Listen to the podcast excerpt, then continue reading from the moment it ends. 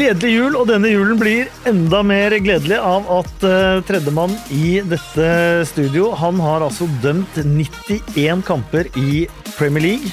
Han eh, debuterte i Premier League i 2013. Han har dømt på 88 av 92 arenaer i det engelske ligasystemet. Han har dømt playoff-finale på Wembley. It's an honor, Mr. Bobby Madley, Hi. to have you Yeah, here. Thank you. Strange times. Yeah. Christmas for us uh, who loves English football and works with English uh, football. It uh, we we seldom have the day off, but this Christmas will be some days off for you. yeah, but thanks my first Christmas off in well from from what I can remember to be honest. I mean, obviously Christmas is the most busy time of the year for football in England. Um, and I'm sure that gets a lot of views over in Norway as well because obviously your football's finished. So yeah, it'd be nice to have a nice to have a Christmas relaxing at home for once. Yeah. Uh, yeah, will you will you manage to actually relax in the Christmas, or will you look at the Premier League on the TV and and, and miss the holidays there? Yeah, I, probably watch. I mean, like I say, it's just typical that for the last, I think, six or seven years, on Christmas Day, I've travelled to a, a hotel um, for a game on the 26th. And then New Year's Eve, I've always travelled as well. So I've spent New Year's Eve in a hotel on my own, ready for the game on the 1st. So, yeah, spending it with, with family might be a little bit strange this time. Might have had enough of them by three o'clock. Be ready to go to watch a game. Sounds like we have Yeah. mo- similar Christmases. Yeah. um, and and the Christmas tradition in England, it's of course different from from the Norwegian one. Uh, What do you eat at Christmas? We have turkey, and I'm, I'm quite worried actually because I've been trying some Norwegian food, so I'm dreading what's coming on Christmas Day. Actually, I don't know what's going to be put in front, but I've been told that ribbe is on Yeah. the menu this year, Yeah, so we'll look forward to trying that. you tasted it? Not yet, no. No? It looks good. It is good. That's it's all right. good. Isn't too far from from a Sunday roast. Is it like sort of in, in the same area? No, that's all right. I can yeah. handle that. Yeah. It's the yeah, it's the. Uh, the yoiker that I've been I've, I've been stereotyped with now. That's the problem. Yeah, I've gone, I've gone too soon. I think in Norway with this stuff. Yeah, I've, I've seen your Twitter, and Yeah. um, I think you'll be all right over Christmas. That's okay then. Lutefisk might be an issue if. Uh, if I've it- been told it was just. Uh, Yeah, that might be an issue. Yeah, actually. I'll give that one a miss then. what do you eat in uh, Christmas, Espen? uh, this year it's uh, pinnekjøtt. Yeah. Uh, um, sheep. That's or like the salty lamb, stuff you buy. Yeah, lamb, right? lamb or Yeah. sheep. Yeah. Um, really, uh, really salty. Yeah. And Heard it's good though. It's fantastic. fantastic, I only had it for the first time when I was like 26, 27 or something. Uh, I always had the ribbe on Yeah. Christmas. But uh, my wife, they have turkey, so you might get lucky. Ah. Some, some, someone, uh, someone actually do turkey as well over Christmas here. Well, I'm thinking of doing that because obviously it's the 24th you have Christmas dinner Yeah. and 25th in England. So I'm figuring I can maybe get two Christmas dinners out Yeah, of this. So that could be good. Yeah, absolutely. Make, make use of it. Yeah. But the presents they are 24th here. Yeah. Yeah, yeah, that's going to be quite strange. You Usually- open it in the morning, do you? Yeah, obviously Yeah. it takes Santa a little bit longer to come to England than it does to Norway. so it's got to travel overnight. But yeah, it could be different. They're doing the Midland trains. I'd never get Ryanair. the 28th if that was the case. um, uh, do you have any special Boxing Day memories, uh, Christmas memories from game you refereed? Yeah, last year. Um, and then, I mean, generally, it, the memories as a referee, which might be quite strange, the easier memories are ones where you actually make mistakes.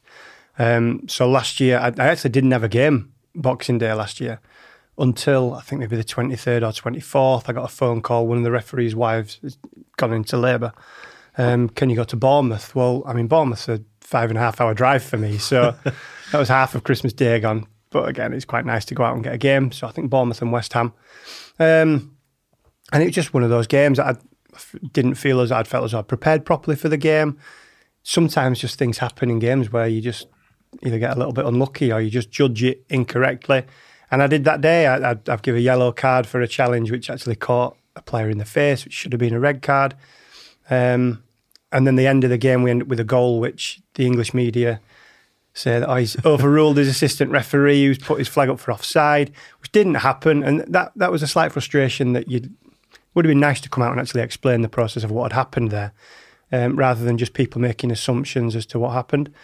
So that that was difficult, and it does spoil your Christmas. Any, anybody who thinks that a referee just drives home from a game, doesn't care, You know, they've been paid for a match, so that's all that's important. It really hurts. It really does hurt. And I study the videos back. Why have I made this mistake? How can I get that right next time? Five and a half hours is a long time. You're not allowed to travel with other officials in the Premier League. So you have an empty car. Even if you're both from the same town, you have to travel separately. So five and a half hours is listening to the radio and some of the stuff that was coming out, and you're thinking, well, that's not what happened. So it can be frustrating. Um, but yeah, I mean, most of the time, obviously, Christmas they tend to keep the the teams quite local to each other, so you get the big derby games, and Christmas is a good time. It's a special time for football in England. So yeah, uh, I'll, I will miss that. I will miss it. How do you prepare for for a game? You said you came unprepared to Bournemouth. Uh, Yep. How do you work uh, the week before a game? Okay, so the obviously you referee the game Saturday or Sunday the week before. For me, I'll watch the game straight away that I've just refereed. So as soon as I get home, not allowed to actually watch anything from that game until I'm home. So anybody who says, oh, they saw it at half time or they've seen any manager that comes and speaks after the game to discuss a decision, I haven't seen it. So it's kind of hard to tell the manager that I'm right because they've seen the video clip. I could well be wrong. So I would watch the game back quickly so that it's fresh in my memory. On the Monday um, at four o'clock, the fixtures would come out in the Premier League or your appointments as a referee for the following weekend. So we only get Oh, five days to prepare. um, and from that point, for me, the, the preparation, and for the other referees, the preparation begins then. I will watch a video of the teams that I'm refereeing. I'll watch their last video. So the away team, I'll watch their last away performance. The home team, obviously, their last home performance. Just try to get a feel of the teams. I mean, we've refereed them a lot of times anyway, but just see have the tactics changed. That's not going to affect the decisions I make in the game, but Manchester United and Manchester City won't play against each other and turn up on a Saturday and think they know what's going to happen. They'll have studied the teams just to gain that little advantage. That's the same for me. Where do I stand at a corner? Where's the ball most likely to fall? And I think we're naive as you know we're professional referees. That's our job. So we're naive if we're not not going in sort of fore, forearmed into the uh, into the game. So that Bournemouth game, that would be uh, something like if we were commentating a Premier League game, uh, Espen, and, and and not being prepared with with all the, the statistics and the papers and Yeah. everything. That'd be um, horrible. And there, there are certain times when maybe you get a game um, a bit late. Someone calls in sick, and you just uh, have to like throw yourself around and, and go down there. And even though, sort of, uh, I know you do it as well. We watch every every highlight, a lot of the games, maybe even uh, replay them and, and Yeah. stuff like that. But still, there, there's those little bits and bobs that you don't want to miss. Absolutely, Uh, and I Yeah. think that goes for anyone in football, uh, whether commentator, manager, referees. Um, Uh, so y- the more you're prepared, you don't always use all, everything you prepare, but Mm. just to have it there as um, as a platform just gives you a reassurance. And if you don't have that, certainly I get sort of an insecure. Try to hide it, obviously, on Yeah. air, but uh, Yeah. but it is it is there. It's a nagging Can feeling. be, yeah. It can be. I mean, don't get me wrong. I, I did, I did prepare for the Bournemouth game. I did go into that. I mean, obviously, I got the game. I can't remember if it was twenty third or twenty fourth, but Christmas Day before I set off, we'd done presents and we'd done a little bit of food, and I watched the game. I, I watched a game on Christmas Day just before I set off to the hotel. When I got to the hotel that night, I watched the other game. But it's having that time then, Yeah. and that's that's To process not- it. Absolutely, yeah. And you know, you've got a long drive in the legs. Then, um, I don't really drink anyway, so that's not an issue in terms of having three or four days drinking before not having a game. You have to be prepared as a referee that you might well get a game on the twenty sixth. Um, so yeah, so I, I was as prepared as I could be going Yeah. into that game, but having that week in advance probably is a little bit better. Just poor judgments on the day from me, really. Og apropos eh, kommentering. eh, jeg har fått høre at Bobby har en eh, overraskelse til oss. Later in the podcast, you, you prepared a little surprise for us. I have, yeah. Yeah, because uh, our paths have crossed many times, and we have, of course, been of course been commentating games you have refereed, Okay. and been uh, judging, uh, maybe critical of your refereeing. So uh, you will actually test if we're fit to commentate. Yeah. Uh, yeah, yeah, Yeah, I mean, it, can be frustrating as a referee sometimes. That don't get me wrong, mo- most commentators and most um, the guys who are analysing the game, ninety nine percent of what they're talking about is fantastic, and it gives a great technical insight that ev that a referee couldn't give. But there's just times when you're talking about certain laws of the game and interpretations where you sit and think. Yeah, you, Yeah, they don't know the you're, ed- you're educating millions of people. yeah. You're educating them incorrectly. Yeah. So yeah, I think I think a test is uh, is in order today. to how you guys are. Okay, yes, I'm looking forward to that. So the quiz is coming a little bit uh, later. Christmas quiz, yeah. I'm leaving. um, I actually have. Um, uh, I actually started refereeing at the same age as, as you did. Okay. At 16. Yeah. Yeah. How did you uh, come into refereeing? I kind of fell into it by mistake. I played um, I played football as a, a junior player. Played for my local team, Ossett Town.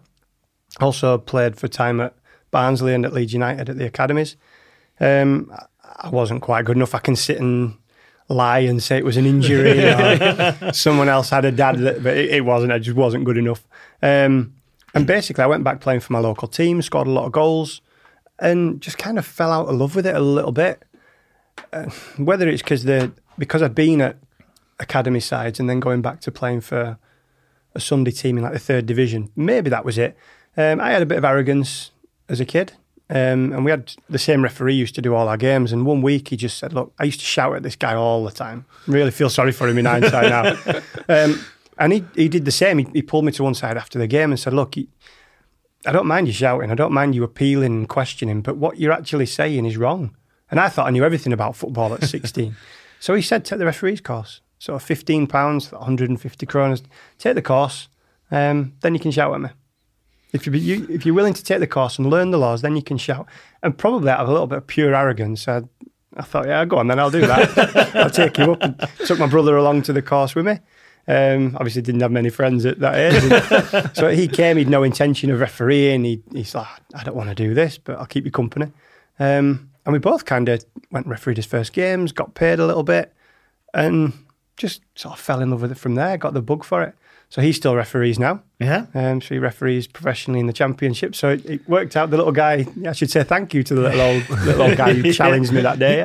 You should be proud of you, though. Yeah, I mean, don't get me wrong. There's there's a lot of support. There's a lot more support now than there was when I was 16, and I'm, I'm I've seen that that's the same in Norway with things like Norcor for the young referees to really advance them forward.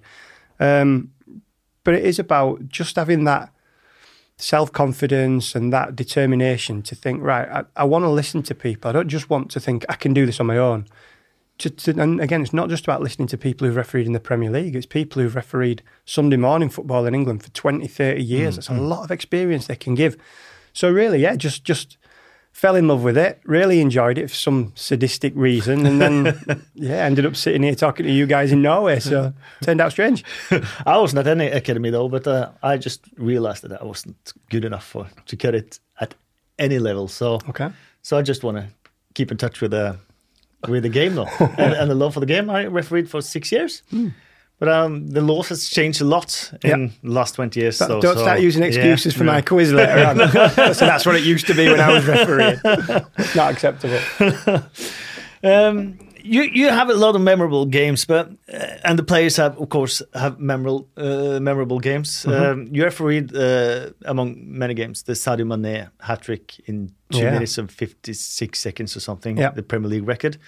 Did you feel a part of a historic event or a, histo- part of a record uh, because you were, were a part of a game? Yeah, I mean, I wasn't, I wasn't aware at the time that, that the record had been broken. Obviously, I think was it Robbie Fowler who held it before Yeah. that, which was quite quick. Um, but we were fully. I, I actually wasn't aware that it was Mane that had scored all three. I mean, as a referee, the goal scorer is not You don't overly take important. notes of the goal scorers. Not really, no. No? no. the fourth official will make a note. So if I'm aware of who the goal scorer is, then I'll say it over the microphone. Sometimes you just can't see who scored it. Um, so I wasn't 100%. I knew it was three incredibly quick goals, but I wasn't aware that all three was Mane at the time um, until he walked past and said, Did you see that? all right, okay. Um, so it was pretty impressive. But yeah, you could feel something, something a little bit special in the stadium that day. I mean, I remember saying to the guys, I mean, it was it was after about was about 11, 12 minutes into the game he scored his first goal. I remember saying to the guys, it's 10 minutes gone over the microphones to the assistants. A good start, nice and steady. And then 13 minutes gone, I remember looking at the at the scoreboard and suddenly there's three goals that's gone and it's like, wow, I mean, that kind of changes everything in the game now. And as a ref, you've then got to try to sort of guess how a team reacts to that. Do they close up and make sure they don't get beat six or seven? Or and they got think- beat six though. well, they did, yeah. I mean, or do they, or do they say, well, we've still got seventy-five minutes here. One goal and they might panic. So you've got to kind of have all options covered as a referee and keep your assistants and your fourth official fully switched on that after 15 minutes, just because it's 3 0, the game's not over. So, yeah, it, it, adds a new dynamic to a ref. You don't see that too often. So, yeah. Is it usual that players brag to you? Yeah, of course it is. Yeah. of course it is. We brag to them as well. We play a great advantage that ends in a goal. Or, yeah, I mean, the, the one thing you don't see, and that frustrates me a little bit, is the relationship between players and referees on the pitch. What you do see is that the cameras will show a player thinking that a referee's made a mistake. Yeah. The referee's then 40 metres away and they'll show the reaction, the negative reaction of the player.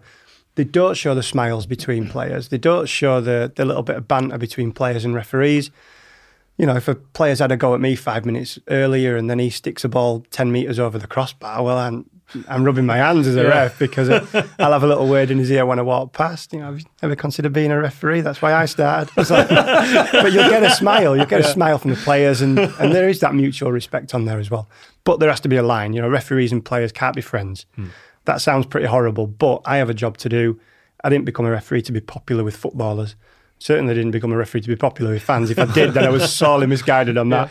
Yeah. Um, but yeah, there has to be a line. Players have to understand that at some stage, you're going to take control and you're going to say, no, that's enough is enough.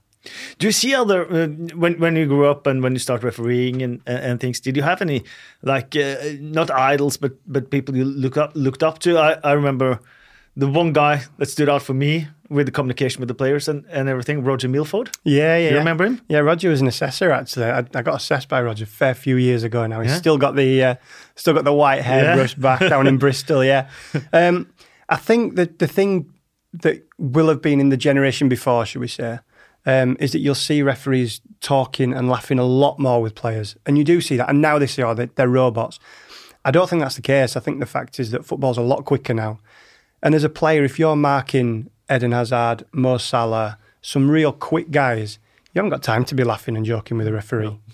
Yeah, the moment that you turn away and they've gone ten meters, that's your job. so you tend to see that that there's less, or it will appear that there's a lot less sort of joking going on on the pitch. There are some, there is some banter still. Um, but I mean, for me growing up, I was very lucky that I, I grew up in an area where Howard Webb lived very close, Martin Atkinson lived two kilometres from me, mm. so we grew up in the same referee association. So all those guys that I could look up to and really aspire to and ask for advice, even at 16, 17, 18 years old. I mean, I came over here and had a, a meeting at the university the other day, and um, Tom Henning Øvrebø was there. Mm. I mean, for me, that was like, wow, this guy. I mean, this guy could ref. He's remembered for one thing in England, yeah, which yeah. is shocking because he was a top, top referee. I met with Terry Hauge. Again, these are guys that when I was sort of growing up as a young guy watching Champions League football, these were mm. these were top people. And to meet them and realise that actually they're, they're just very normal people, it's quite nice. It's quite humbling. So but when you started refereeing, did you have um, like observers and, and people that followed you every game, or, or, or were you left alone? You left alone a little bit. Um, so it used to. Now in England, it's very different. You you take a referee's course. It's all very practical. When I took it, it was eight weeks for two hours per week, sitting in a classroom reading the laws. And at the end of that, you're a qualified referee. So the first time I blew a whistle was my first ever game, mm. and an adult game as well at 16. Um, so we have a system in England. I'm not sure whether it's the same in Norway. Um, we have a system where you can apply for promotion. We have seven levels, seven down to one. So one being Premier League. Um, and if you apply for promotion, then they'll send three assessors out during the season. They turn up at any game. You don't know where they're going to be. But the clubs also mark you in England. Again, I'm not sure if that's the same here. So we have, uh, if I remember from my days, we, we had an observer at every game. Okay, well, it's not the same in England no. until you get to semi-professional level. They, they, tell you what to do in the, before the game and in the halftime and after the game. They, okay. they, they assess your performance. I remember my first game, I was just so eager to blow that penalty. really? that's, that's, not a good referee. Just a, a, there's a reason why you finished. yeah. but do you feel when it's when it's really heating up around you, you have a penalty or you have a red card and everything, you, you feel a little bit alive? Um, yeah, I mean, you, you, feel the reaction, and, and there doesn't have to be seventy thousand people to do that. It can no? just be twenty-two. Yeah. That's the time when I think you you sort out the the very good referees from the ones who might have found their level a little bit. Me, the, like? The, maybe so, yeah. I think the top referees in those situations, their natural reaction is to go along with it, to join in with the, the euphoria, with the get mixed up in it. I think the top referees, it's at that point where they go, okay, I have to step backwards now. Yeah. I have to be calm. I have to take control. What have I seen? Not what did I expect to see.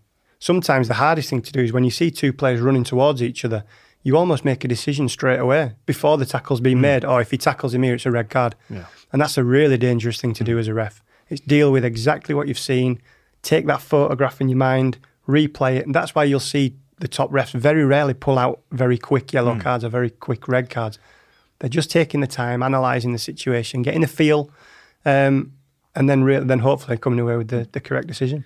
I commentated a, a game you you were refereeing uh, once, uh, Derby, uh, Nottingham Forest Derby. Oh God. Uh, you remember that game? Uh, yeah, oh yeah. I've not slept since. Yeah, I remember it well. D- uh, yeah, but did, did you feel exactly what you, you're talking about now? That you you were just going into it and you were feeling the flow, and then Yeah. you just lost it a bit. Yeah, absolutely. Um, a bit is kind. Excuse me. That's the first huge game I would say I refereed. Real big one where you look and the appointment comes out and you go, wow, okay, I've been trusted with this. Nottingham Forest against Derby to anyone else in the world might not be Man United, Man City, or Liverpool, Everton, but, it is yeah, a ferocious derby. it is. There's real hatred Yeah. there. Um, so going into it again, you almost have to you have to quite to, to try to understand as a referee what level do I go in because you know the tackles are going to be a little harder. You don't want to start sending everybody off for every tackle. And that's probably what I did in that game. From a refereeing perspective, I didn't help myself in the first half. I let a lot of tackles go. The commentators were really complimentary. Oh, he's refereed it like a derby. He's done really well. The English one. Yeah, the English one, yeah. But they, they, they kind of want a derby played like that because it's Yeah. great for television. Yeah. Yeah. What's good for television is not necessarily good for me as a referee. Um, I let a lot go. I probably missed a red card in the first half. One very close red card potential for, for Jamie Ward, I think it was as well. Um, and I got in at half time, and I think I got swept along first half a little bit, a bit of naivety. Um, went out second half, and within 20 seconds, I saw an elbow from a player into a player's face. It was I was in absolutely no doubt that it's a clear red card. The way that I'd refereed the first half made that decision a surprise to be the first one. It was it was an elbow in the face. Was it a red card? It was probably a yellow card looking at it now. Um, but they're the games where you've got to be big enough and afterwards look and say, I made a mistake there. I can learn from that. Yeah, that's that was That's- what I was going to ask thing. you because you must have learned a lot from that game. Probably learned more from that game than I did in the 50 previous games Yeah. that had gone well. You, you have to try to learn something from every game, but sometimes you need that kick up the backside that just brings you down. The, the hmm. danger you have is, oh, I've been trusted with Derby against Forest. And then you start thinking, I must be good. Hmm.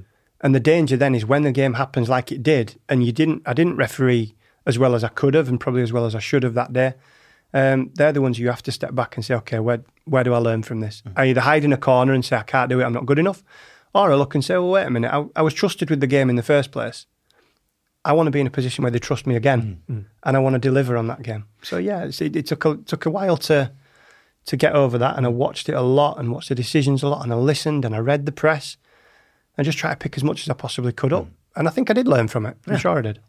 And we have much of the same actually. Yeah. We can have been trusted with big games and just miss completely the, the big situations. Yeah, uh, I mean, with complacency isn't that what you're talking about? Uh, uh, sort of bit is that you can get in that sort You of. You just get sucked in sometimes to the environment, Yeah. and that's dangerous as Yeah. a Yeah. referee to do. And you, th- and you think, well, uh, even in our job as well, you think, uh, I've got this. The Yeah. moment you think that, Yeah. you don't. Correct. Uh, so, um, but I, I was uh, something we were talking about a bit earlier, Bobby, about sort of um, the circumstances, um, sort of the crowd Yeah. in, a big game like that. Um, obviously, the crowd is affected, the, the TV, television viewer, the players. How Mm. about referees? Um, how how do you sort of feel, sort of in in a in a ferocious derby like that? How how is it to be in, in the in the middle of the park there? Do do you enjoy it, or is it a slight uh, dread or fear I, in it? I think a lot of that comes with experience. So from Yeah. the, the Derby Forest game, I was very aware of the surroundings, I was aware of the noise and every tackle that went in. The more games you do like that, the less you are aware of it. So you can go to games even at Old Trafford with 75,000 people. You can see the first three rows of the crowd because that's where your eyes are. And obviously, the crowd is set a little lower at Old Trafford. But basically, you just concentrate on the football. Yeah. You don't hear the noise until the goal goes in. And even then, a lot of the times, it's just a little noise. It doesn't sound like hairs on the back of the neck a lot of the time. The bigger atmospheres and sometimes the harder ones are the smaller grounds. Yeah. Hmm. So the smaller stadiums, even in League One, League Two, because they're a lot closer, there not as many tourists, shall we say, at the game. So hmm. you've got five thousand hardcore fans there. Hmm.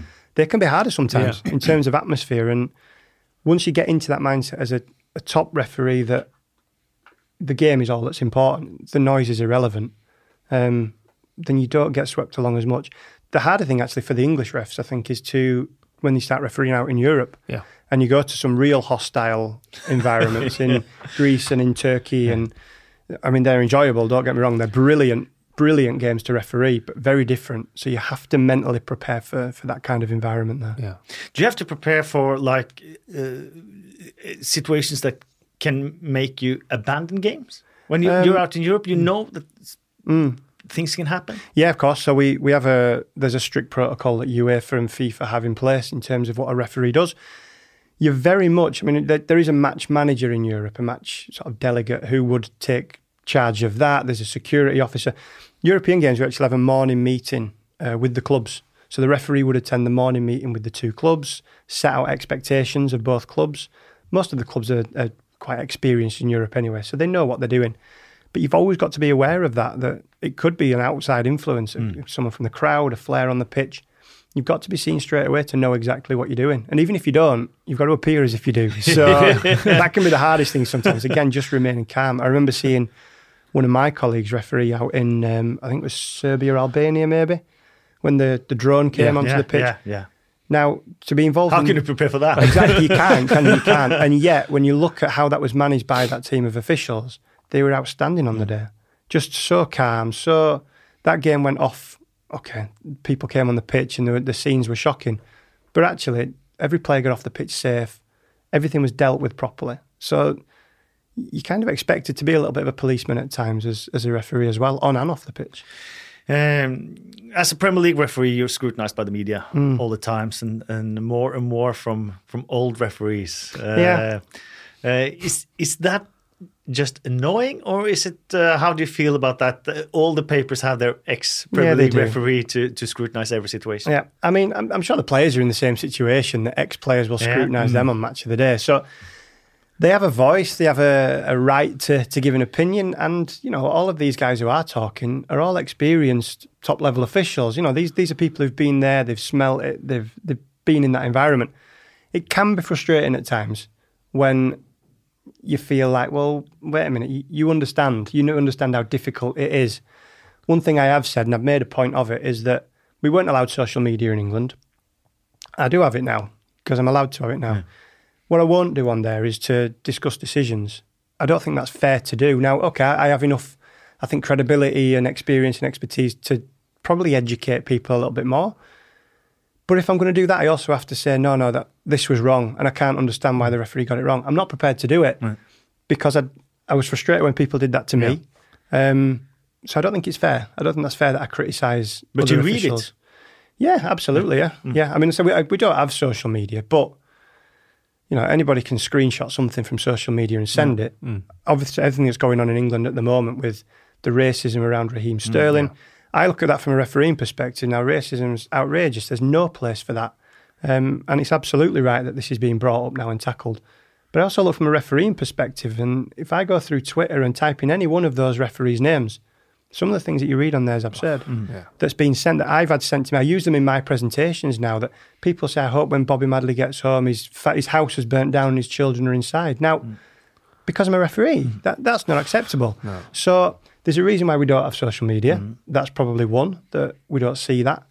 Um, but it can be frustrating. As I said though, I have no issue with ex referees going out and educating people. Chris Foy does it at the moment on one of the channels, and he tries to give a, a reasoned explanation as to what the referee's thinking rather than just saying he got it wrong. Mm. So if you're going to do that, educate. Mm. It's amazing how many people sit back and go, if that had been told to us at the time, then I would have completely understood it. Even managers. You're on social media now, though. Uh, du kan følge Bobby Madley på Bobby Madley 2 uh, på, på Twitter. Um, and um, uh, everything you, you, you mentioned it uh, with the with the English press, with racism, with uh, with everything. Um, uh, and you actually had had an incident this week with uh, Daily Mail. Yeah. Uh, one of the worst newspapers, I have to say. Your opinion. I can't, I can't, I can't, I've got to be. Uh, got to be impartial on that. So that's your opinion. But but what but what what, what happened? Uh, Okay, so I, I was asked to referee because obviously in Norway it's very different to England. You join your local club. Now that doesn't happen in England. So my local club being Arbilse, um, it was a natural thing. My partner grew up in Arbilse. Her dad was a referee in the nineties who was a member of Arbilse, so that was very natural that I would do that. Initially, the English papers picked up that they were a sixth division team and therefore reported, "Oh, he's, he's been told he has to referee in the sixth division." Which was never said, and this is after an interview that that NRK had done as well. So that was quite clear. So this game obviously happened. It was just a friendly game against Snaroya the other night. Um, after the game, guy came up, English guy. I've come from London this morning, which surprised me a little bit from the newspaper. Um, can we speak now? I've not spoken to the press since since coming to Norway, since leaving the Premier League. Um, and it was basically the focus of this is going to be you moving to Norway, the game, perfect. And that's how the interview went. The interview was perfectly conducted. Guy was a gentleman. Um, there was a frustration the next day when it when it went in because that wasn't how it was reported. I felt a little bit belittled. I'd refereed a friendly. I I hadn't done that for, you know, I hadn't been done that for a thousand pound, and I didn't get paid for that. So for me, it's a good training session. It's nice to get to know the players. It's just good to get back on the pitch. I felt a little bit belittled by the there were only nine people and a fall from grace. I used to referee county cup games in England of junior teams on a Sunday when I didn't have a game. So the under 13s, under 12s, and I loved those games. Football is football. I'm not better than any game of football to referee. I'll referee anything. Um, and I just think the different, the big difference I've seen since I've been here in Norway is how people are treated by the press mm. and how how stories can just be changed. And there's such a danger. So I don't mind doing something like a podcast because it's it's my voice. I know what I'm saying. yeah. There's a frustration that, especially when I spoke to the the guy who conducted the interview, I almost feel frustrated for him as well because his words to me were, "I sent it to London and it was changed massively." Mm. Well, that that can't be right. Do you know what I mean? So I came here in completely good faith, refereed a game. The guys were brilliant. I really enjoyed it, and it kind of took the shine off that a bit. I had two assistants, both uh, eighteen-year-old twins actually, who were superb, absolutely superb. And I made a big point of this to the newspaper. Look, these, this is the kind of story that should be reported. That young referees are really doing well in Norway. I would have taken these guys out with me at any level of mm. football. They were that good. Mm. They didn't even get a mention because that's not what the focus was on. So that's frustrating. That's very, very frustrating to see that. And we can notice that when we, we were in England, the, the, the lack of trust between the media and, and the players and Mm. Obviously the referees Yeah, and yeah. everything. And that, that has created the kind of toxic environment uh, between media and, and, the, and the, the performance. Yeah. Uh, so, um, is that part of why uh, referees don't speak to media or uh, players they they shy the media? I think so. It probably is. I mean, as a referee, very, very rarely, in fact, never, is a, a camera going to put me in front of it and say, let's discuss that incredible penalty decision. They're never going to do that. the only reason they want referees, I mean, it will be made out that the reason they want referees there is for education. Basically, it's for entertainment. Um, and if with a live camera, the danger with a live camera is somebody says, look, this is the question I'm going to ask you. We trialled it um, in Hong Kong last year at the Asia Trophy. I did a, a post match interview with Sky Sports after the final, and it, it was really good. And Sky Sports were excellent, don't get me wrong. These are the questions we're going to ask. So I had an awareness. One of them is going to be about something that happened in the game. So I, would, I didn't know what that was, but the question was really good, educational. But because they enjoyed it mm. and they weren't used to it, they threw in a question Yeah. completely fair. It, there was no malice to it whatsoever. They threw in, oh, well, what about this? And then you're thinking, well, suddenly it's like a bit of a curveball. I'm, hmm. I'm having to think on my feet. And the longer you take to answer a question, the more it looks like you're thinking of a lie. And it's not that. You're just making sure that your words hmm, hmm. are the correct words. Now, when you've refereed a game for 90, 95 minutes, your head's scrambled a little bit. There is a reason why managers can't come into the referee's room until 30 minutes after a Premier League game. That's both to let the referees calm down and to let the managers calm down. The problem then is that the managers have to do a post match interview after 20 minutes. So they'll go to a camera, they'll say what they want, say what they think, say what they feel. get fined tens of thousands of pounds. Ten minutes later, come to the referees, get an explanation, and say, if I'd have known that before I went in front of the Yeah. cameras, I wouldn't have said what I said. So I think we can work together a lot more. But it's, football's an entertainment business, and nobody likes good media stories apparently. So We're uh, actually commentating um, the Norwegian Ice Hockey League. Okay. Uh, too, and um, on several games we have uh, microphones. Yeah. On the referees. yeah, Uh, so we can listen to all the action down at the ice uh, Yeah. and, and, and the communication between uh, referees and, and players and everything.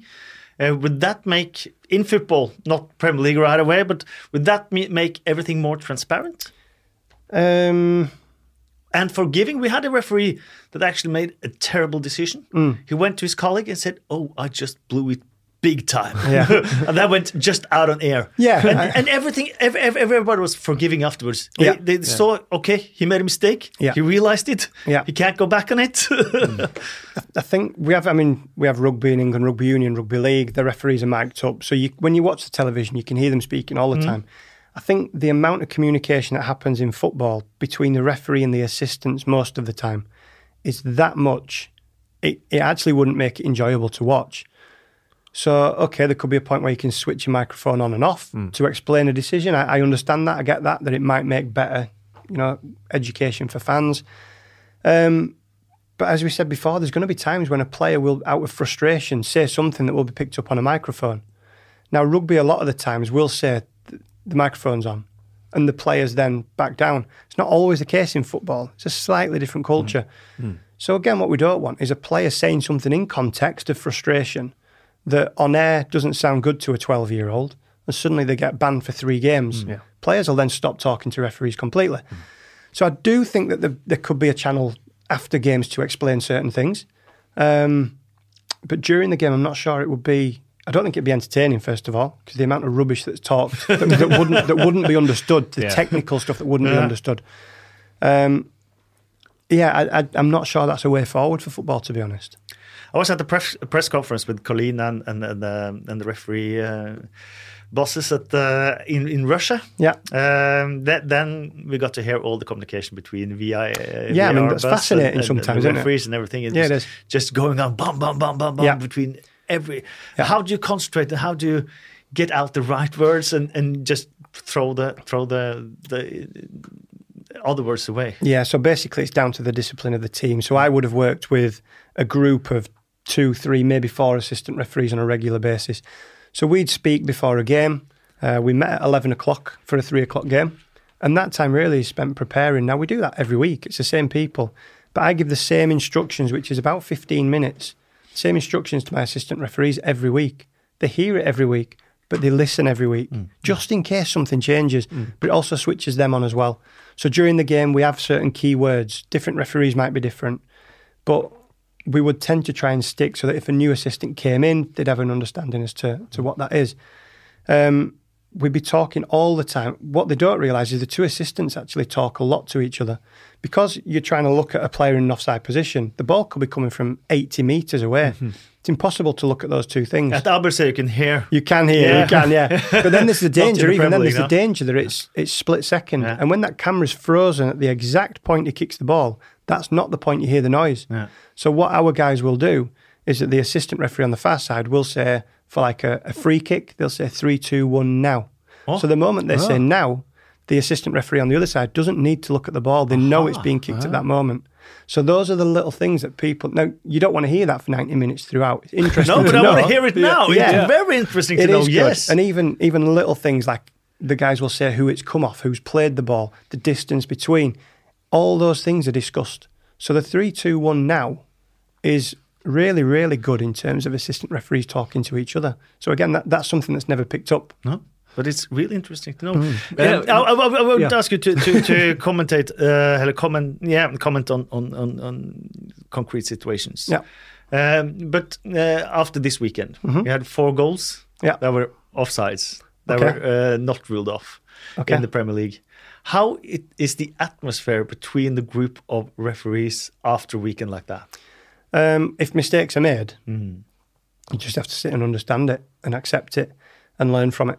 Um, there are certain weekends. There, Are you making usually, calls around and No, just, well, I mean, we, we're they're a very close group anyway, and the guys in Norway are, are the same.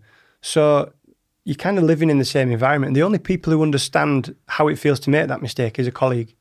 Um, so the support network is superb. There's a good coaching network in England, um, and people understand that mistakes are made. You just get every now and again a certain week. I haven't actually seen much football from this weekend, so I, I, I'm not sure of the. you haven't got TV2 Sumo yet? I've, I've seen. well, I, I, I watched the Huddersfield Arsenal game, so I've seen a, a decision there. Um, but yeah, I mean, basically, you just have to come together as a group then and say, okay.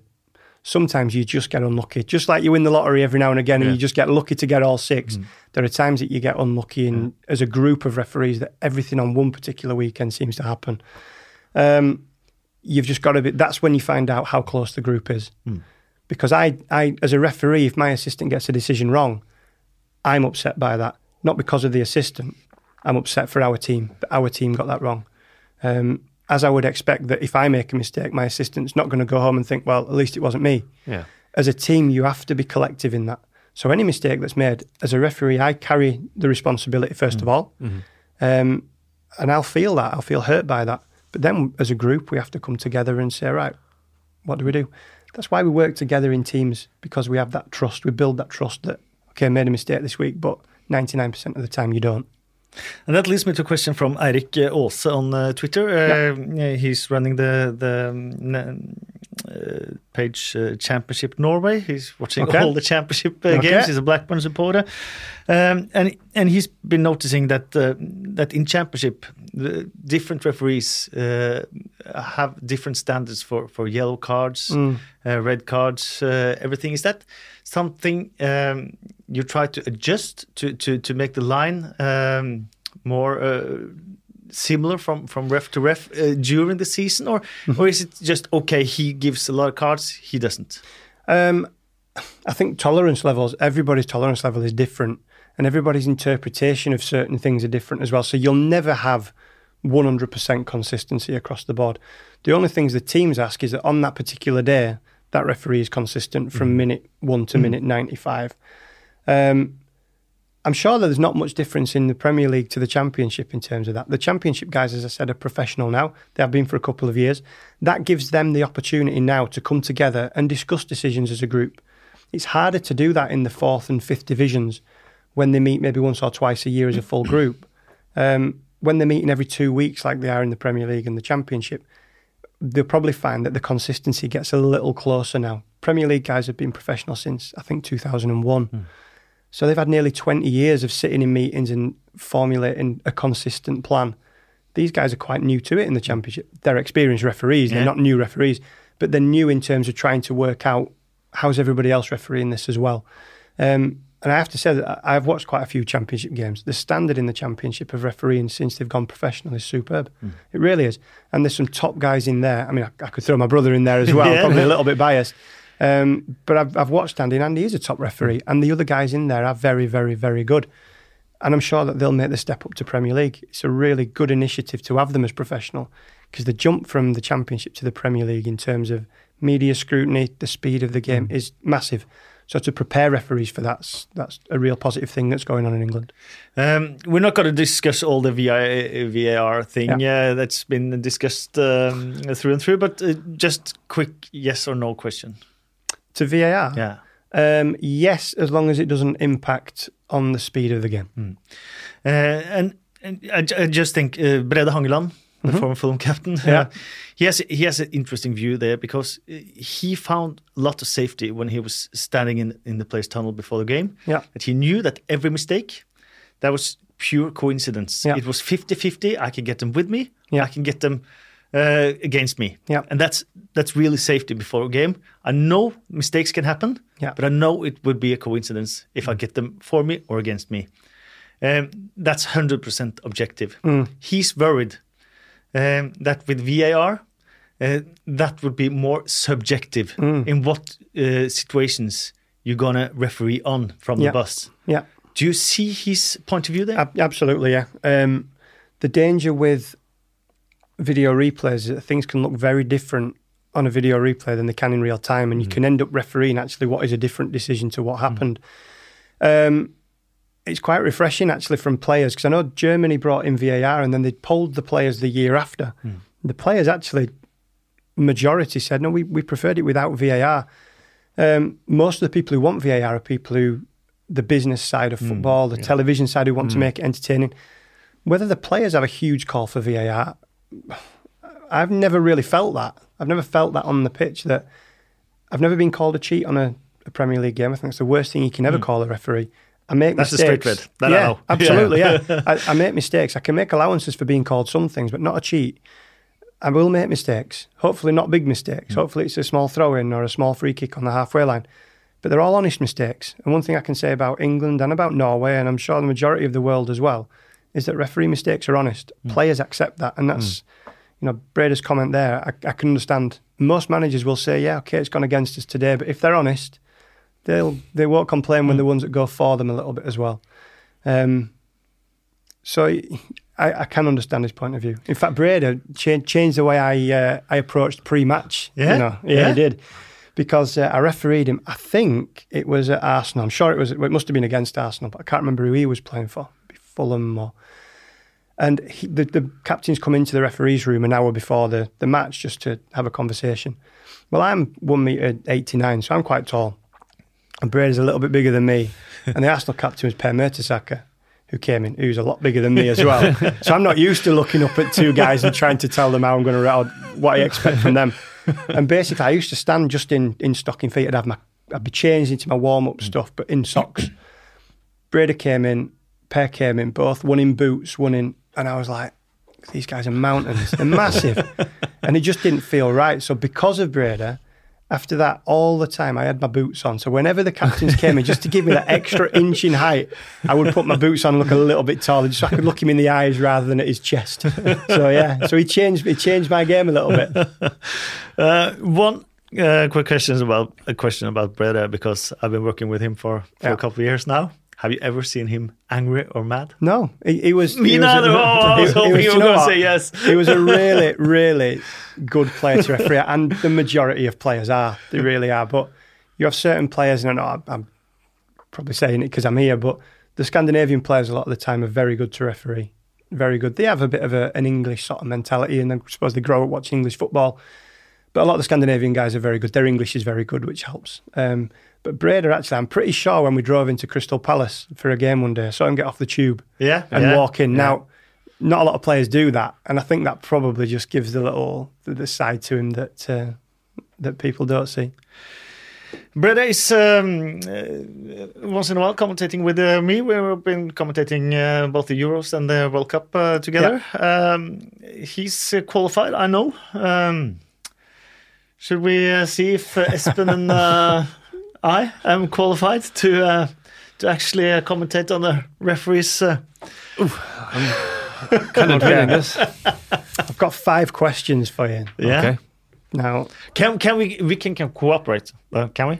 well, I mean, You got a team. What, what, I- what I would like is like a quick decision. 'cause That's what I've got to make quick straight away. decision, But Okay. You can then confer if you want. Yeah. Okay, so what would your, your your quick decision be, and then you can talk as if you're talking to your assistant. So, um, a defender at a direct free kick, so one that you can score straight away from, passes the ball back to his own goalkeeper. The goalkeeper's not watching, not concentrating. The ball goes into goal. What action does the referee take? Goal. Goal kick. a goal kick and a goal.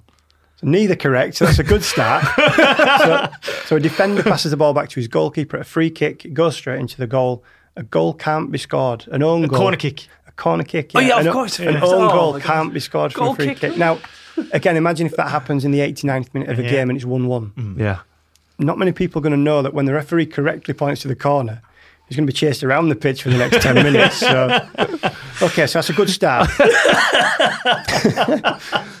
we, just, just so you know, the percentage wise, certainly the assistants, I'm sure Norway is the same, but they're over 99% accuracy. Yours is zero at the moment. So um, Goal kick. That's got a bit to go back. decision I, I- I- I was wondering where goal kick came from. Could, could, Like, can't wow. be a goal kick.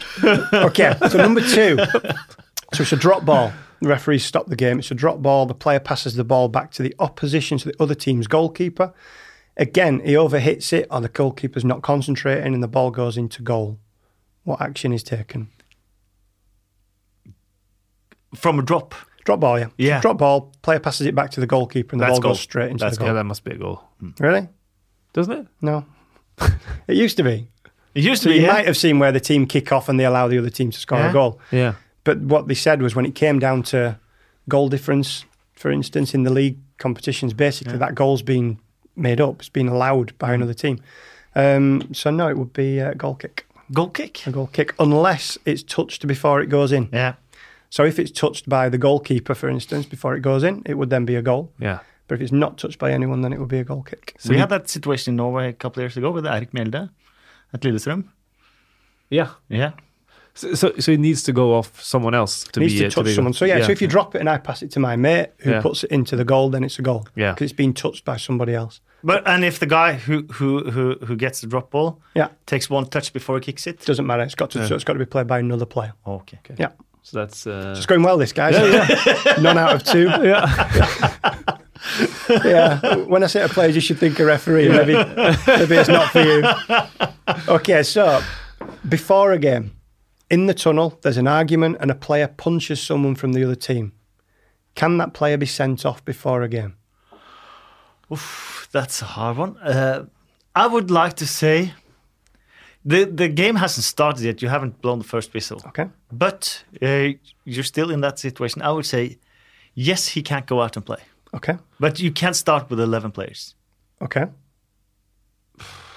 That's a really good uh, good way to argue it, uh, Kasper. Um, just for the sake of it, I'd say um, he'll he'll be allowed to play. He'll be allowed to play. Yeah. So no. So even before the game, in the area of the pitch, the referee can still send off. Yeah. Okay. And he can still go out and have eleven players. They have. Oh my! however, word. they have to use one of the substitutes. Yes. So they would only have two substitutes during the game rather than three. So I got that one correct though. Yeah, I mean that's thirty three percent. yeah, I I'm, mean, I'm if at, I had thirty three percent, I'd be struck off. So I'm at that's nothing to be proud of at the moment. I'm at zero. but does that I'm even better than though. does, does that even include the warm up? Uh, Anything before the game, as long as if the team sheet has been given to the Yeah. referee at that stage, the teams are in. So Yeah. any player that can get yellow card or a red card before the game, yeah. so so during warm up, if someone goes Yeah. over to the opposition and start picking a fight, As long as the team Yeah. sheet's already with the referee, yeah. yeah. So you know who the player is. yeah, Okay. And we asked for consistency in refereeing. You've got three wrong. So yeah, yeah, yeah. it's, That's it's consistent. consistent. yeah, isn't it's it? really consistent. so I'm happy with that. so number four, you'll be looking forward to this one. So a defender is unchallenged, so standing on their own next to the goalkeeper. They cannot pa- pass the ball back to the goalkeeper to be picked up. So the player does a flick, a little trick, flicks it up and heads it back to his own goalkeeper, who catches the ball. Is this allowed?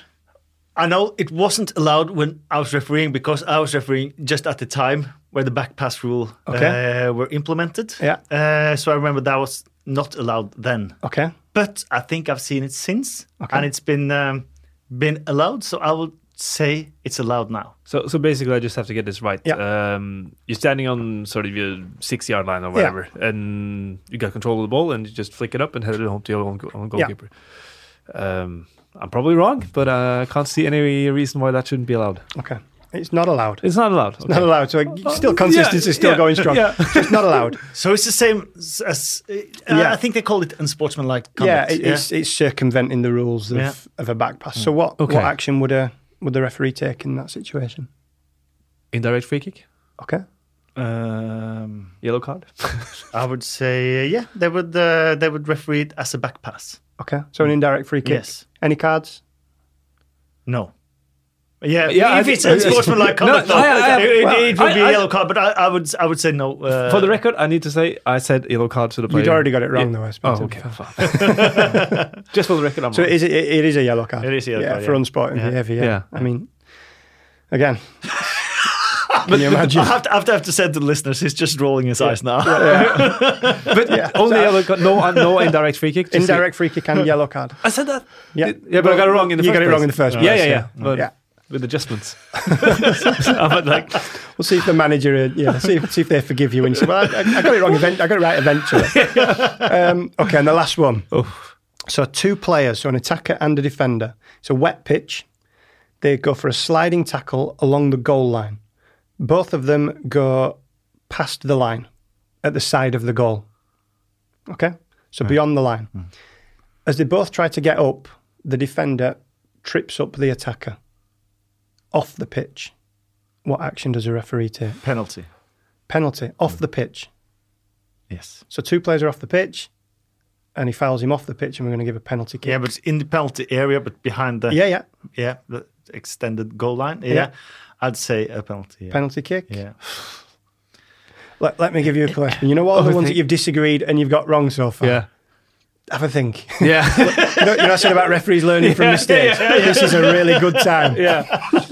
So there's a bit of a clue there. Yeah, there's a it's obviously not a penalty kick. Uh, it's um, uh, I'd say uh, who was fouling who against The defender fouls the attacker. the defender fouls the attacker, um, and the uh, the balls Ball's in play. It's ball's in ball's on the play. pitch. Yeah, But so the two players are off the yeah. pitch. uh, once the play stops, yellow card to the defender. Okay. uh, and the play resumes until the ball's out of play.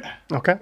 Is It's it? a, it's a penalty kick. Yeah. It's a penalty. Ah, It's a penalty kick. you see, but players will do that. Yeah. Players will get in your ear and tell you Yeah, what exactly. to give. So Yeah. You've got to be strong-minded. Yeah. So, we, so basically, you got No. zero. Yeah, And I two. get forty percent. Yeah, Forty percent. yeah. Okay. But he's got a lot more experience than commentating than I do. Still forty percent. I know. I know. I mean, you can look positive or negative. But still, Yeah. sixty percent of Yeah. decisions wrong. So, I mean, they're, they're obscure. They're difficult ones, but they can happen. Yeah, They can happen. I had, I actually had one uh, incident uh, where, uh, of course, um, the Twitter they knows the the, the right decision. Yeah. Um, the goal, uh, the goal kick from Ederson to uh, Aguero Yeah. against Huddersfield. Yeah.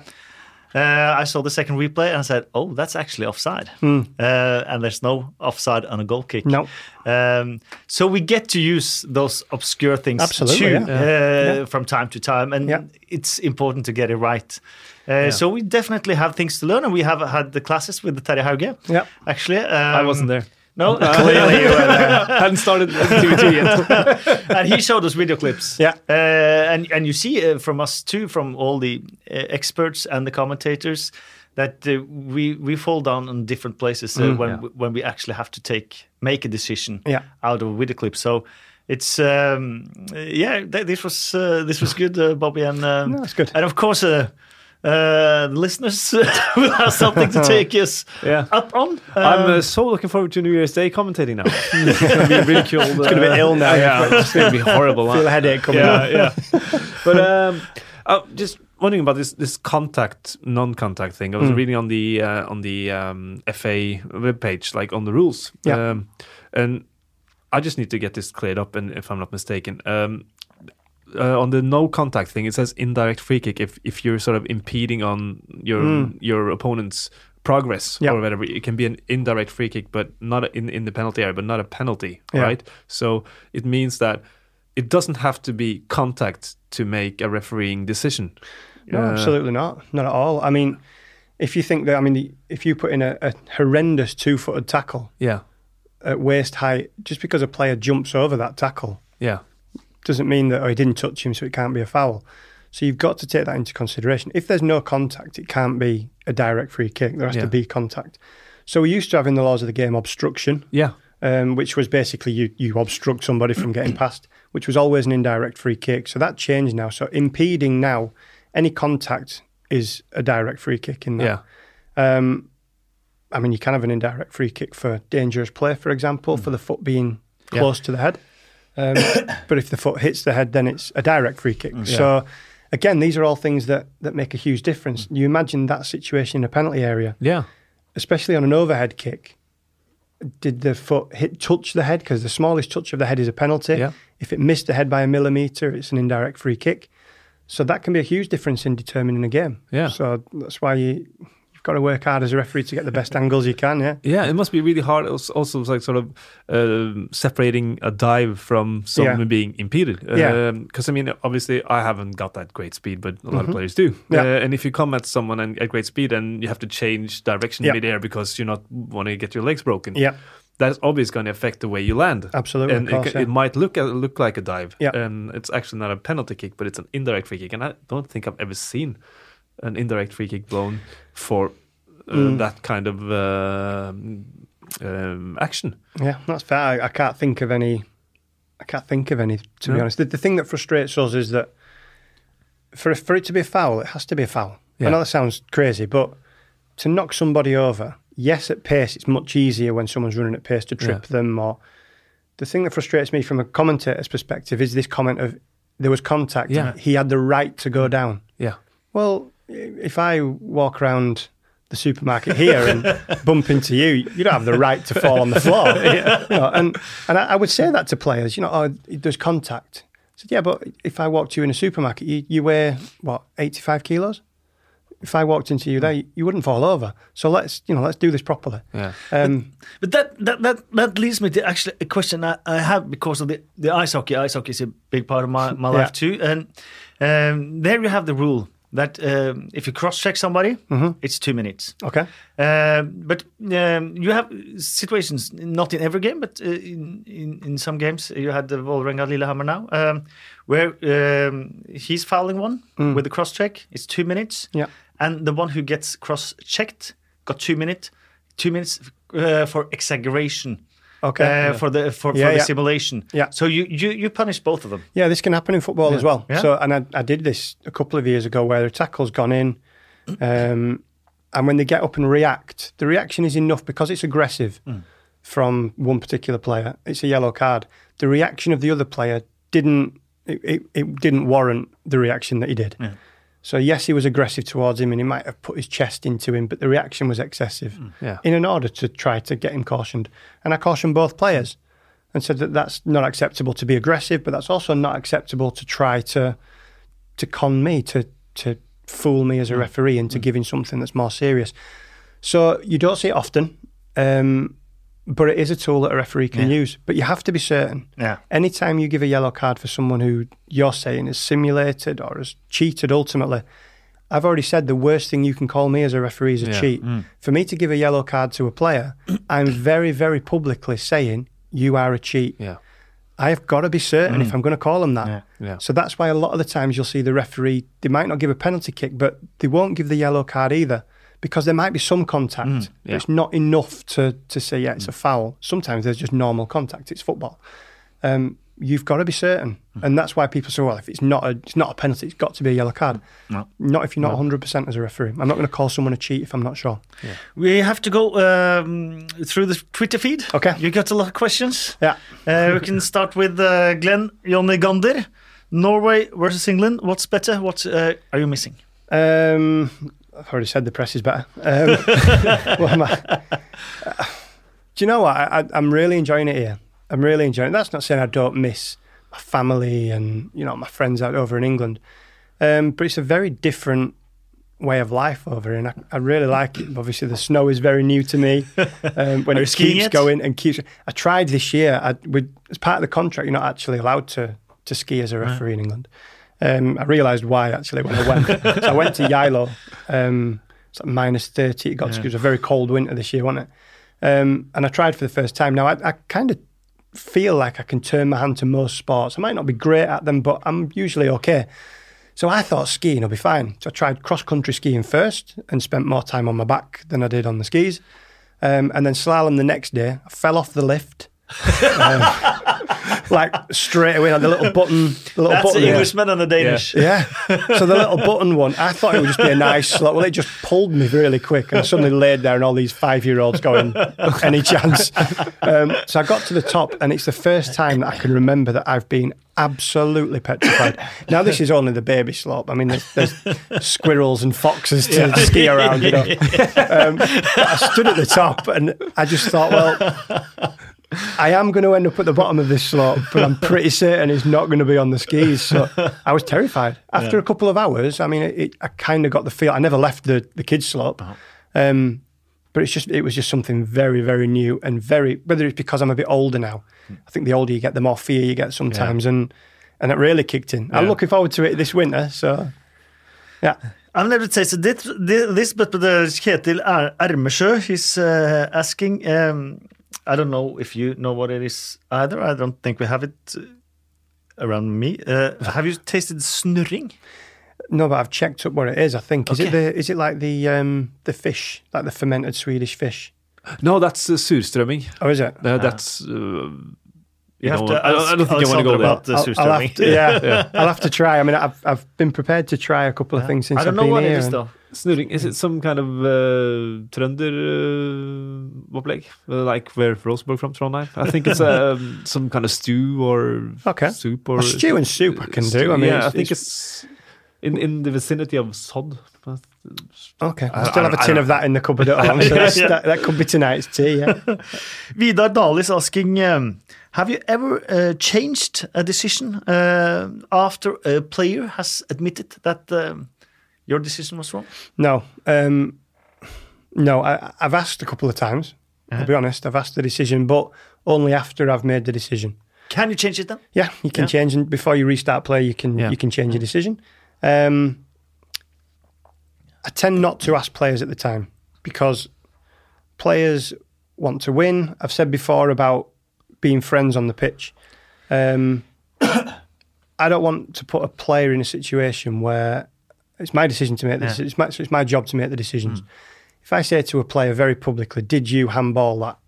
Take the Thierry Henry instance with France and Ireland. Yeah. If the referee in that situation pulls him to one side, "Did you handball it?" He has two choices. He says, "One, yes, I did," and he's honest and he gets praised by everyone, but France maybe don't go to the World Cup. Yeah. Um, or he says, "No, I didn't." France go to the World Cup, which is great for his career, but then reputationally he's destroyed. I don't think that's fair to do in that kind of environment. So as a referee, it's my job to make a decision. But there are times that I've I maybe given a corner or, and I will go back and the next time I see the player, was it right? And there's times a player will say no, and you just have to get on with that. So yeah, Um, Kim Krekling Sandum is asking, um, uh, do you have a for, uh, do you have a discussion fora, uh, the referees, where you're discussing uh, players, uh, specific players? no, I, I, I think that would be completely wrong to do. I mean, obviously we will talk about if I'm refereeing a particular team one week. I might speak to off the record. I might speak to the guy who refereed them last week. How were they? Were they all right? How did they set up at corner kicks? How did they? I watch as much Premier League football or Eliteserien football as anybody else. So, if I, as a referee, can't see who is most likely to do something on a pitch, Yeah. then I shouldn't be doing my job. Um, but no, we, we would never ever sit. it's not fair to do that because then you are prejudging. What we're saying is if we're going to sit together as a group and decide what is a yellow card, that's one thing, and I think that's very professional. To sit together as a group and decide who the yellow card should be for before they've refereed the game, um, I, I think we, we base as referees on honesty and integrity, and I, I think that crosses the line. Can, can I just ask one question? Because you you were talking about uh, earlier, Bobby, that uh, you weren't allowed to travel with your fellow referees. What, why is that? Uh, Wouldn't that be Um, a good, great place to, to talk about the match afterwards? Yeah, I mean, I- yeah, I'm sure it could be, and I'm sure for certainly when you've got five and a half hour drive home, Yeah. and, it, and sometimes you know some Or of you're the gonna guys go to Ed Sheeran concert? well, no, wouldn't, wouldn't be my. that Uh, was a call for. yeah, it's quite good, isn't it? I've never done it. Um, yeah, I don't know where to come with that. It, it worked for you though, didn't it? It, wor- it worked Yeah, for you, so I'm yeah, all right. I can say what I want. Um, I think the the main thing in that is that if there's a, an issue travelling on the day Yeah. and there's an issue with traffic, now we Yeah. don't all come from the same area, so if there's four people heading to London, one from the south, one from the west, east, and north, if there's big issues from the north, it's easier to replace one referee Yeah. than it is four. Um, I don't think it's like for the American president or anything, so that if you, you know what I mean, so for safety reasons, I'm sure it's not that. But yeah, the, there there are slight issues with that. That um, when you're refereeing a team like Plymouth, I refereed a game in Plymouth, for example, which is five and a half, six hours potentially for me on a Tuesday night. I was still working at the time, so I'm in work at eight o'clock the next morning and didn't leave Plymouth until eleven o'clock Yeah. that evening. So you've got a long drive and it's four hours, and I suppose there's an element there that you have to be, you have to recognise yourself. Hang on, what's safe to be driving now? Um, but I think basically that's it. It's just to Yeah. make sure that if there is an issue with one, it's not going to be all four. Okay. Mm. Yeah. Yeah, uh, Doi Nguyen, uh, he's asking, is it a protocol in situations where refs uh, made an incorrect big call and they know it? Um, do you tell the players you that you were wrong but you can't undo it, or have you ever made a decision that you immediately regretted? Um, so first of all, we we would never see the clip. So a lot of the times we'll say, "Oh, he's evened it up in the second half." You wouldn't know at half time that you're right or wrong because we're not allowed to have the televisions on, the mobile phones have to be switched off. So there is no outside communication. Even with the only way you would know the scores in other games is whether they come up on the screen or if you hear them as you're walking off. You get a feeling as a referee as when you make a decision. You get a gut feeling from reaction of players, mm. from sometimes you just you just know that it might not be the right one. Hopefully it's not going to be a penalty kick or a red card. And by the time you should have taken your time anyway as a referee before you get to that decision. Yeah, I've I've, I've looked and I've thought, well, is that a correct decision at times? If you linger on that decision, if you stay with that decision, you're not concentrating 100% on the next decision. And then you get that wrong. And suddenly you have two decisions that you're thinking about, and then the third one is wrong, and then the snowball effect yeah, is yeah. huge.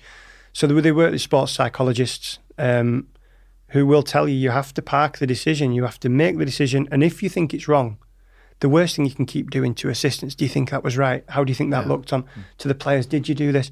Because the more you do that, the more you're not concentrating on what's happening next. Mm. You guys know from commentating, if you keep looking at a, a replay, your yeah, eyes are not on the that football. That can be really destroying, yeah. actually. And you you you keep you keep on thinking about situations yeah. later in the game and yeah. you get out of rhythm yeah. and, yeah. and that's that's that's and, and, you can't afford most, that to do. Nothing's going to change. No. I'm not going to change the decision as a referee. Something that happens when so, you commentate too and it just, just destroys the game. Yeah, yeah, that absolutely. Happens several times. So, um, what stadium has the most hostile atmosphere? Um, Jakob Berg is asking. Um, Premier League wise.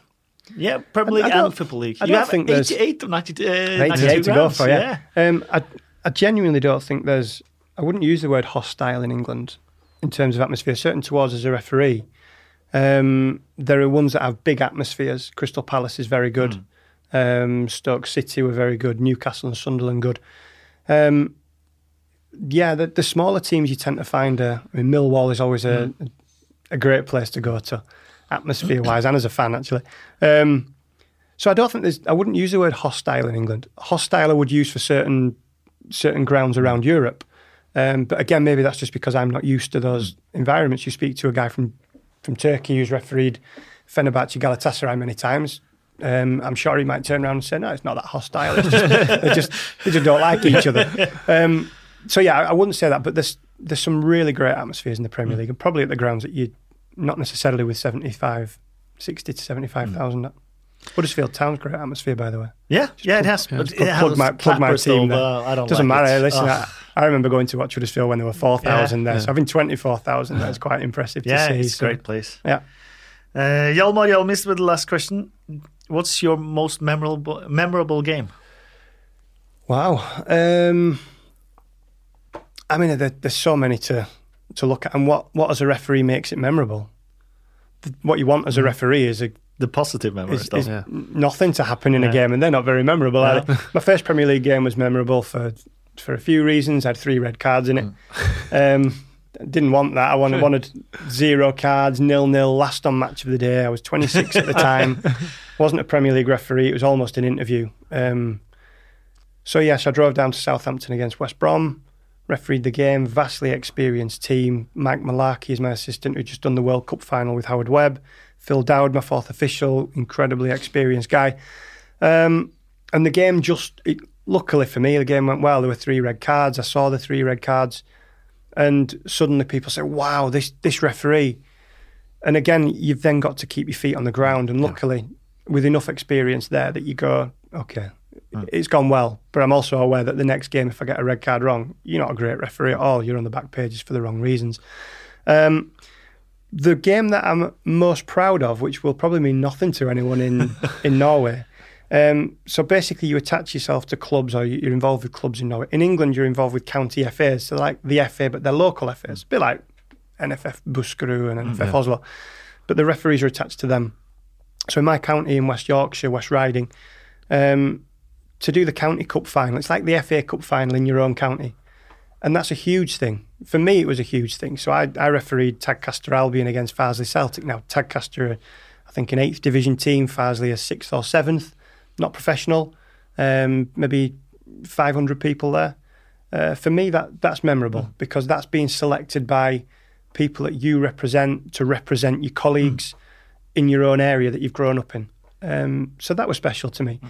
For me, it's not about how much, how many millions of pounds worth of players are on the pitch, how many tens of thousands are in the stadium. Every game is a game. I loved refereeing the Abel Scenario game. Mm-hmm. I loved refereeing it. I really did.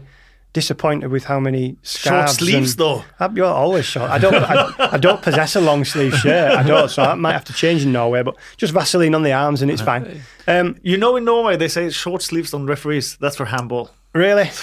Well, I'm in the wrong spot. I, I've been told that before in England that you should be a handball referee rather than a football referee. But yeah, but yeah. Yeah. So no, no, no hugely memorable in terms of the bigger game is not always the most No. memorable game. Can, can I just get Yeah. one final question? Yes. Uh, refereeing in the summer, Bobby, is there any chance at all that you'll be refereeing in the uh, plus 33 division? Uh, Well, I'm, I'm actually I'm gutted now because when I when I went down to Abels, I said, "Can I can I train on the pitch?" And they said, "Oh yeah, the referees train on a Wednesday." Um, so I trained with those guys, fantastic set of guys, like eight or nine young referees. Um, they can play football as well, which which I was impressed at.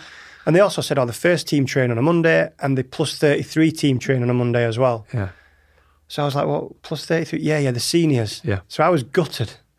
But I'm 33. I've just turned 33, so I'm devastated to now find that I fit into this category of senior player. Like, well, so I turned. I played last night. Actually, I turned up and played with the 33s last night, and yeah. So I'm not sure if I'll be refereeing in it. We'll see. 'Cause We'll there- see. But there- maybe you meet each other as players, though. Uh, well, we might. Well, I'm do, yeah. I'm actually thinking about hanging up my boots. I'm getting too old uh, Yeah. for the plus 33. Oh, really? But, there is a ferocious derby in Okay. in, the first division, Skeid versus Kjelsås. Okay. And um, I'm not. I'm serious. It's been kicking off both games. This has just been absolutely oh, what, ridiculous. I'll just come and watch. I'm Yeah, not, I'm yeah, not yeah. about refereeing. well, we could, we could, you could, we, we could use a bit of Premier League refereeing. Oh, there you uh, go. that one. there you go. That could be interesting. Eh? Yeah, hopefully, fingers crossed. Yeah.